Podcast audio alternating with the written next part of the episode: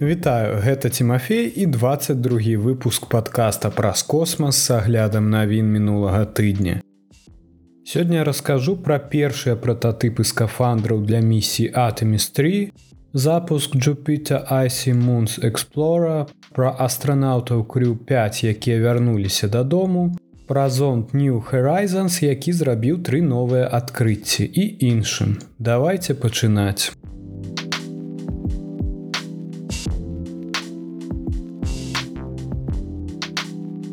На гэтым тыдні былі прадстаўлены першыя прататыпы скафандраў для місіі Атомис 3. Аксём Space кампанія касмічных паслуг з Хьюстона абраная NASAа для распрацоўкі, вырабу і пастаўкі скафандраў для месяцовай місіі Атомис 3 у 2025 годзе прадставіла прататып свайго месяцовага касцюма падчас прэс-канферэнцыі ў касмічным цэнтры Хьюстона 15 сакавіка. Прэзідэнт і генеральны дырэктар Аксиум Space Майкл Сафрыдзіні і Марк Грылі, кіраўнік праграмы кампаніі па выхадзе ў адкрыты космас, таксама распавялі аб лёсе скафандраў Атміс3. Калі коротко, то першыя скафандры Атоміс не вернуцца на зямлю. Скафандры будуць ляцець на старшып у той час, як экіпаж паляціць на Араен. Затым экіпаж перасядзе на старшып, каб спусціцца на паверхню месяца. Падыход NASAа да першай за больш за 50 гадоў пасацы на месяц адрозніваецца ад таго, што было мінулым разам з апалонам тым, што экіпаж запускаецца асобна ад месяцовага пасадачнага модуля, а затым яны сустракаюцца на месяцовай арбіце. Чатыры астранаўта Атомис3 адправяцца з зямлі на борце капсулы Араен. Апынуўшыся на месяцовай арбіце двое чальцоў экіпажа пяройдуць на касмічны карабель SpaceX Starship, а два іншых застануцца на месяцовай арбіце на борце Эрайна. У канцы наземных аперацый місіі два астранаўты, у тым ліку першая жанчына, якая высадзіцца на месяцы, стартуюць на касмічным караблі Starship, а затым сустрэнуцца з Эрайнам, каб вярнуцца на зямлю. За абмежаванне павазе яны змогуць узяць толькі невялікі запас месяцовых камянёў і, магчыма, некаторае абсталяванне з малай масай, якое будзе дастаўлена на эрайне на зямлю. Скафандры вернуцца на старшып, а затым старшып застанецца на месяцовай арбіце на невызначаны тэрмін. Прынамсі на дадзены момант такі план для двух скафандраў вырабленых Аксиум Space. Магчыма, вернуцца пальчаткі або нейкія іншыя дробныя дэталі. Старшыпу, які злятае на месяцовую паверхню і вернецца на месяцовую арбіту, не хопіць паліва неабходнага для вяртання на зямлю. Транспартны сродак спраектаваны такім чынам, каб яго можна было запраўляць, але для Атомис3 у канцы 2025 года не чакаецца наяўнасці заправачнай станцыі. Калі скафандры Атомис3 будуць утылізаваны на месяцовай арбіце, гэта будзе не першы выпадак, калі амуніцыю астранаўтаў з гістарычных місій NASAа не ўдаецца выратаваць. Падчас місіі Апалон астранаўты NASAа насілі тое ж кампрэсіённае адзенне, каб хадзіць па месяцы, што і для запуску з зямлі і вяртання на зямлю. Таму скафандры здзейснілі вандраванне туды і назад. Аднак дэталі, якія дадаваліся для працы на паверхні месяца, часта пакідалі для эканоміі вагі. Такім чынам чаравікі, якія астранаўта палона 11 Ніл Армстронг насіў, каб зрабіць свой першы маленькі крок, усё яшчэ знаходзіцца на базе спакой на паверхні месяца. У эпоху касмічных чоўнаў адзіныя страчаныя скафандры былі на борце злашчасных місій Чэленджер і Калумбія. Пасля таго, як было вырашана спісаць крылатыя арбітальныя апараты, першапачаткова меркавалася, што NASAа размесціць пакінутыя часткі скафандра на міжнароднай касмічнай станцыі. А з-за адсутнасцю транспартнага сродка з неабходнай грузапад'ёмнасцю план заключаўся ў тым, каб утылізаваць іх памеры іх састарэння. Скафандрам далі б згарэць з іншым смеццем, упакаваным на борце адпрацаванага расійскага грузавога судна. У канчатковым выніку гэтага не адбылося. Паколькі NASAа звярнулася да сваіх камерцыйных партнёраў з просьбай даставіць экіпаж і груз на касмічную станцыю і назад. З тых часоў касмічны карабель SpaceX Dragon выкарыстоўваўся для пасадкі кампанентаў скафандры для абслугоўвання на зямлю, што дазваляла іх паўторнае выкарыстанне.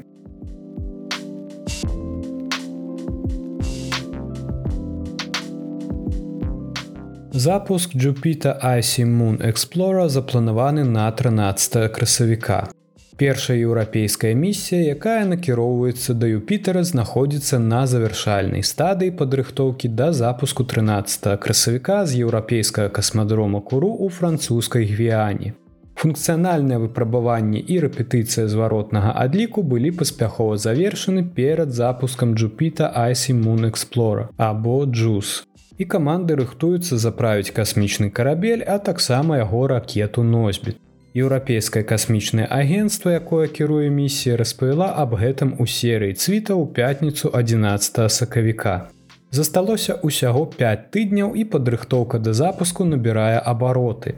Досыць хутка еса джуз будзе запячатаны ў сярэдзіне свайго ахоўнага абцякальніка і усталяваны на гэтым магутным рн 5 напісала еса ў твиттары серыі малюнкаў з інтэграцыі ракеты Бачачы, як ракета набывае форму, гэта пачынае здавацца рэальным. Джус будзе запущены ў космас для свайго васьмігадовага падарожжа праз сонечную сістэму еўрапейскай ракетай носьбітам RN5 вялікай грузападымальнасці. Місія з'яўляецца першай асобнай спробай Еўропы даследаваць целы ў знешняй сонечнай сістэме і стане перад апошнім стартам працоўнага коніка RN5, які абслугоўвае еўрапейскую касмічную галіну з 1996 года. Джуз быў адпраўлены з вытворчай пляцоўкі Эабас у Тулузе Францыя на поўдзень Амерыкі, дзе цяпер інжынеры завяршаюць яго падрыхтоўку перад запускам 13 сакавіка ракетай носьбітам РН5 з французскай гвіаны. Калі ўсё пойдзе добра, шасцітонны касмічны карабель прыбудзе да Юпітера ў 2031 годзе а затым адправіцца ў складанае падарожжа вакол планеты і трох яе галоўных спадарожнікаў ганімеда Еўропы і каліста. Джус стане першым касмічным караблём, які калі-небудзь выйдзе на арбіту спадарожніка за выключэннем спадарожніка зямлі. Гэта адбудзецца ў 2035 годзе, калі ён перамесціцца з арбіты Юпітера на арбіту свайго найбуйнейшага спадарожніка ганімеда. Абсталяваны наборам з 10 перадавых навуковых інструментаў Джуз дазволіць вучоным вывучаць месяцы Юпітера, у тым ліку іх унутраную частку як ніколі раней. Чакаецца, што місія ўнясе вялікі ўклад у разуменне таго, ці можа жыццё існаваць на гэтых пакрытых лёдам целах. Джуз прыбудзе да Юпітера праз некалькі гадоў пасля завяршэння місіі наса Юнона, якая, як чакаецца, адбудзецца ў 2025 годзе. Місія будзе вывучаць ледзяныя акеаны месяца Еўропы, якую астрабіёлагі лічаць адным з лепшых месцаў у сонечнай сістэме, дзе можа быць размешчана іншапланетнае жыццё.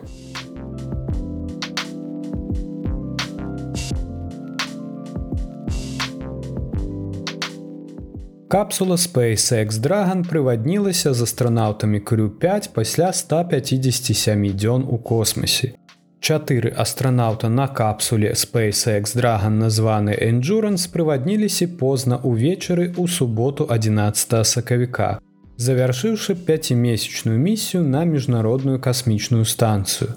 У капсуле вярталіся астранаўты NASAа Джош Касада і Ніколь Ман, японец Коічы Ваката і касманаўт Ганна Кікіна з рассіі якія прывадніліся ў цемры пасля пралёту над мексіканскім залівам ля ўзбярэжжа заліва тампа штат Флорыда у 21 гадзіну две хвіліны па ўсходнім стандартным часе або ў две гадзіны ночы две хвіліны паводле грынвічы 12 сакавіка. Дзякуй SpaceX, гэта было страшэнна круто, сказала Ніколь Ман, калі яна звязалася з камандай кіравання палётамі SpaceX пасля прываднення. Мы шчаслівыя быць дома. Чатыры астранаўты правялі ў космосе 157 дзён падчас сваёй місіі на касмічную станцыю, якая стала першым касмічным палётам для Ніколь Ман, Джоша Касады і Ганны Кікінай. Гэта быў пяты палёт для Коічы Ваката, за плячыма якога зараз 505 дзён у космосе. Выратавальныя брыгады SpaceX хутка прыбылі на месца здарэння на хуткіх лодках з выратавальнага карабля кампаніі Шэнан названага ў гонар астранаўта Шэнон Уокера, які лётаў у складзе экіпажа SpaceX Crew1 для NASA. Endurance адстыкаваўся ад станцыі ў суботу ў 2 гадзіны ночы 20 хвілін па ўсходнім стандартным часе або 7 гадзін раніцы 20 хвілін па грынвічы.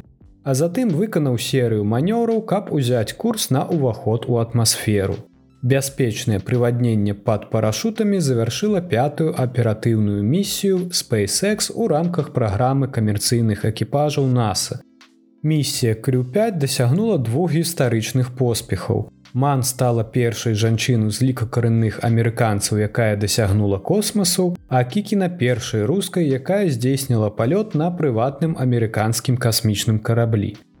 Акрамя таго, гэта місія адзначыла пятае вяртанне вакаты з космасу рэкорд Японіі. Скрюдраган трэцім пілатуемым караблём, на якім ён лётаў. Дарэчы, на інжуранс мог бы вярнуцца і пяты пасажыр. Сярэдзіне снежня 2022 года расійскі касмічны карабель Саюз прыстакаваны да станцыі даў цеч і страціў усю астужальную вадкасць відаць пасля удару метэарыта. Гэты саюз павінен быў стаць адпраўной кропкай для трох касманаўтаў, у тым ліку для Фрэнка Рубія з NASAа. У студзені інжуранс быў часова абсталяваны для перавозкі дадатковага чалавека Рубія на выпадак, калі спатрэбіцца экстранная эвакуацыя з МКС. Паранены саюз павінен быў даставіць двух іншых членаў экіпажа касманаўтаў Сергея Пракоп'ева і Дмітрыя Пятэліна дадому расійскія касмічныя чыноўнікі вызначылі, што касмічны карабель без астужальнай вадкасці можа бяспечна перавозіць двух чалавек, але не трох. Аднак у мінулым месяцы модыфікацыі інжуранс былі выдаленыя пасля таго, як расійскае касмічнае агенцтва Роскосмас запусціла новы саюз, які павінен будзе даставіць рубія пракопіва і пяцеліна дадому. Крю6 SpaceX прыбыў у арбітальную лабараторыю 3 сакавіка для шасцімесячнага знаходжання, даставіўшы астранаўтаў NASAа Уорена Вудзі Хобурта і Стывена Боуна, касманаўта Андрэя Фадзеева і астранаўта аб'яднаных арабскіх эміратаў султана Аль-Ніядзі. Крю6 таксама з'яўляецца гістарычнай місіяй. Аль-Ніядзі першы астранаўт з аб'яднаных арабскіх эміратаў, які здзейсніў працяглы касмічны палёт.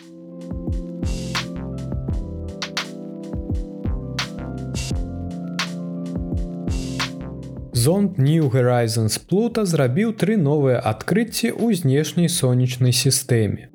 Зонд NASA новыя гарызонты прыляцеў каля Плутона амаль 8 гадоў таму, але гэта грандыёзнае сутыкненне да гэтага часу прыносіць навуковы плён. 14 ліпеня 2015 года новыя гарызонты ўпершыню дазволілі чалавецтву разглядзець Плутон, калі зонд падняўся на 12 з паловай тысячу кіламетраў над халоднай паверхняй карлікавай планеты. Каманда місіі ўсё яшчэ аналізуе запас дадзеных сабраных New Horizons падчас пралёту. І як паказваюць новыя вынікі, ўсё яшчэ робіць адкрыцці, якія інтрыгуюць. Даследчыкі падзяліліся сваімі апошнімі высновамі ў аўторак 14 сакавіка на месяцовай і планетарна-навуковай канферэнцыі, якая праходзіла ў Техасе і віртуальна. Сярод прадстаўленых адкрыццяў адно звязала загадкавы пераварот Плутона з яго запоўненым лёдным басейным.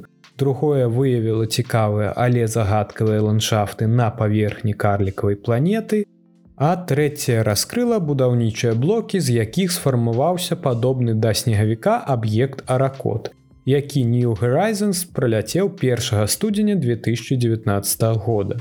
Хоць навукоўцы ведаюць, што Плутон, як і зямля калісьці ў мінулым перавярнуліся на бок, арыентацыя Плутона да перавароту і ступень, у якой ён пераарыентаваўся да канца не вывучаныя. Навукоўцы, якія выкарыстоўваюць дадзены новых гарызонтаў для вывучэння геалагічнага мінулага плутона спадзяюцца знайсці падсказкі. Цяпер група даследчыкаў прапісалі пераварот плутона стварэнню спутнік планіце. Гэта басейн шырынёй каля тысячи кіламетраў, які складае палову культавай вобласці ў форме сэрца на плутоне. Раней даследчыкі ведалі, што басейн запоўнены азотным лёдам адыграў важную ролю ў змене паверхні карлікавай планеты. Выкарыстоўваючы выявы, якія New Horizons адправіў дадому пасля пралёта ў 2015 годзе навукоўцы спрабуюць прасачыць шлях перавароту Плутона. Пры гэтым яны выявілі паралельныя горныя хрыбты і глыбокія даліны, якія на іх думку ўтвараюць глобальную тэктанічную сістэму. Гэтыя асаблівасці маюць шырыню больш за 300 кіламетраў і працягваюцца на такую ж адлегласць да паўночнага полюса Плутона. Мы не можам растлумачыць гэта ў цяперашняй канфігурацыі Плутона, сказаў Олівер Уайт, са даследчык New Horizons падчас прэзентацыі на канферэнцыі ў аўторак. Замест гэтага гэтыя асаблівасці верагодна існавалі ўздоўж экватара Плутона на раннім этапе і мігравалі ў сваё цяперашняе месцазнаходжанне бліжэй да полюсоў за перавароту, сказаў ён. Каманда Уайта таксама выявіла, што падземны акіян Плутона верагодна аказаў некаторы штуршок спадарожніку і дапамог зрушыць большую частку масы карлікавай планеты да яе экватара. Аднак той факт, што Плутон змяніў сваю арыентацыю ў мінулым паказвае, што ніводны з ландшафтаў, які цяпер бачаць навукоўцы, не знаходзіцца на сваім першапачатковым месцы. Дадзеныя New Horizons не толькі дапамагаюць навукоўцам вывучыць старажытныя ландшафты Плутона, але і даюць уяўленне аб яго пазнейшых асаблівасцях. Касмічны апарат раней выявіў масіўныя залежы метану паблізу экватара Плутона многія з якіх дасягаюць вышыні зямных хмарачосаў. Навукоўцы абвясцілі, што ў іх ёсць новыя доказы таго, што яны падобныя на нашы формы рэльефу і таксама распрасціраюцца да далёкага боку Плутона. За межы таго, што New Horizons смог убачыць падчас свайго пралёта ў 2015 годзе. Выяўленне гэтых асаблівасцей толькі дапаўняе разуменне працэсаў, якія фармуюць плутон і іншыя ледзяныя планеты ў нашай сонечнай сістэме і падкрэслівае складанасць дынамічную прыроду і разнастойнасць планетарных паверхняў падобных паверхні плутона, сказаў Ішан Мішра навуковы супрацоўнік NASAа. 1 студзеня 2019 года New Horizons прайшоў міма невялікага аб'екта ў поясе койпера под назвай Аракот, які выглядае як часткова сплюшчаны снежны чалавек. Размешчаны ў 6,6 мільярдах кіламетраў ад зямлі ён стаў самым далёкім аб'ектам калі-небудзь даследаваным касмічным караблём.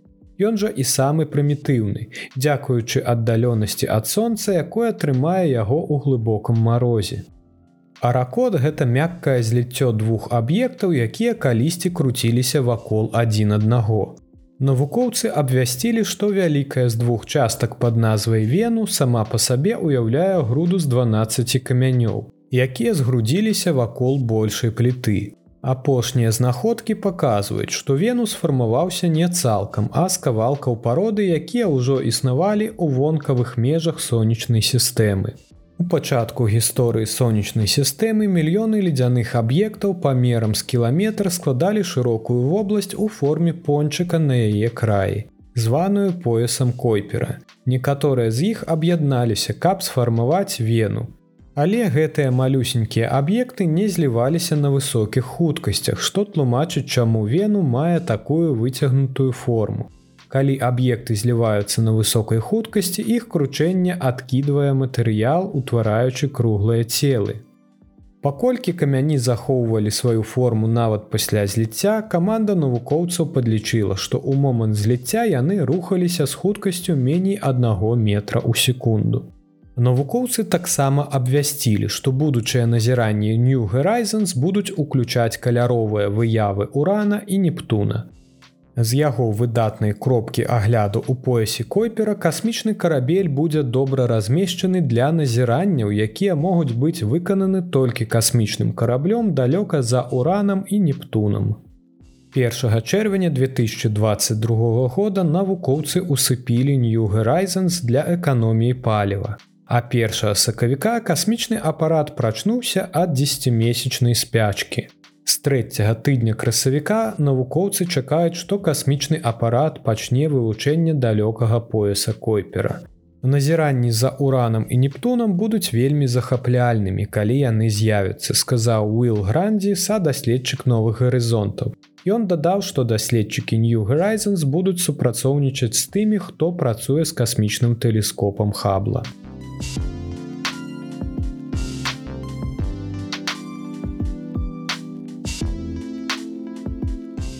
По словах Илона Маска касмічны карабель SpaceX мае 50адсоткавы шанец на поспех у першым орбитальном полете.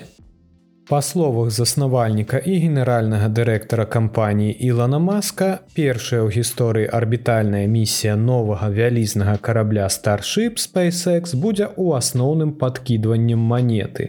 У старшып прыблізна 50соткаў шанцаў на поспех у сваім дэбютным арбітальным выпрабавальным палёце, які SpaceX плануе запусціць са сваёй пляцоўкі ў паўднёвым Техасе. У наступным месяцы ці каля таго, сказаў Маск на мінулым тыдні.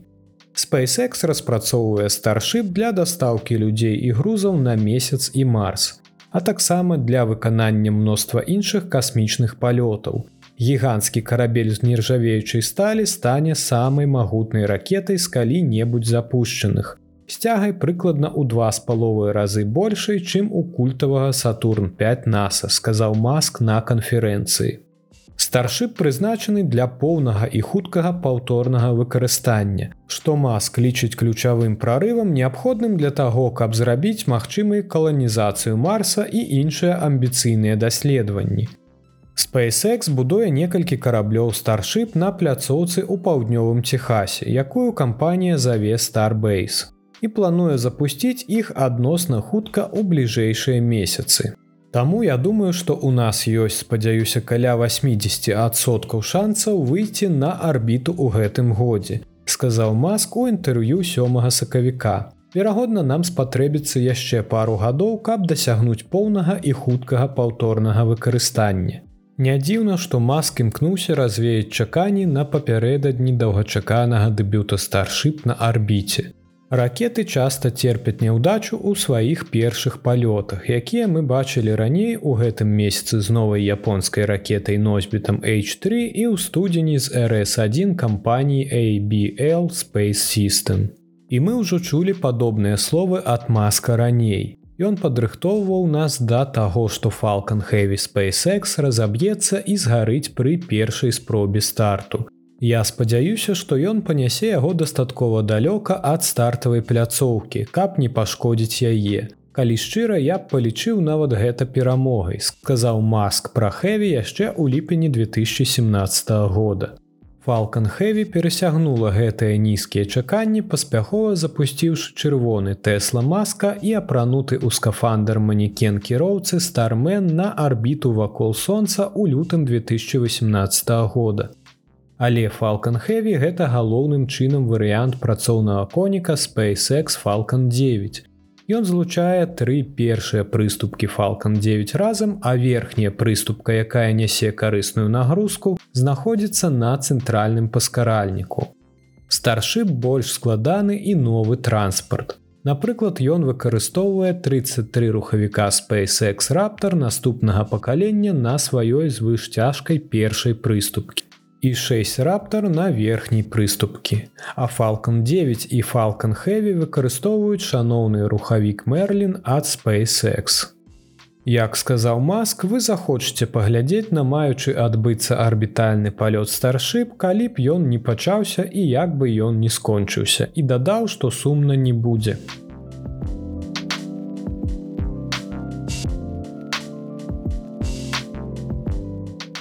Гэта ўсе навіны, пра якія я хацеў расказаць вам у выпуску. Цяпер пагаворым аб падзеях наступнага тыдня.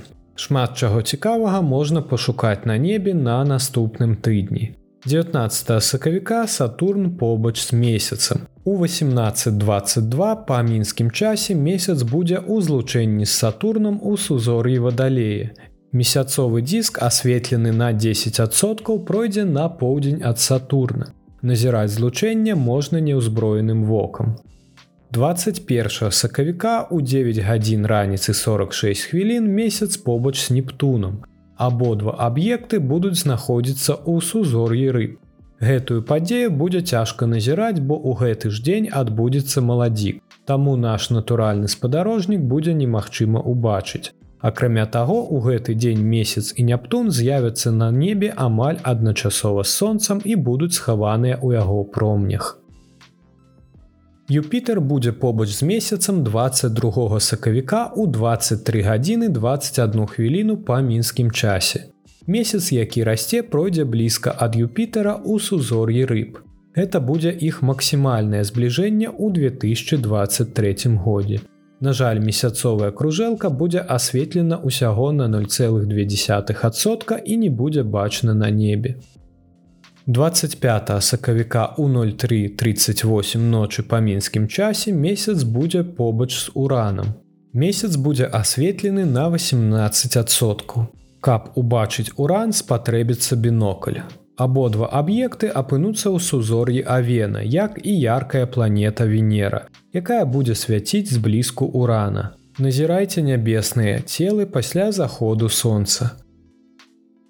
25 сакавіка ў 1327 па мінскім часе месяц, які расце і Венера пройдуць па адным прамым узыходжанні ў сузор'і Авена.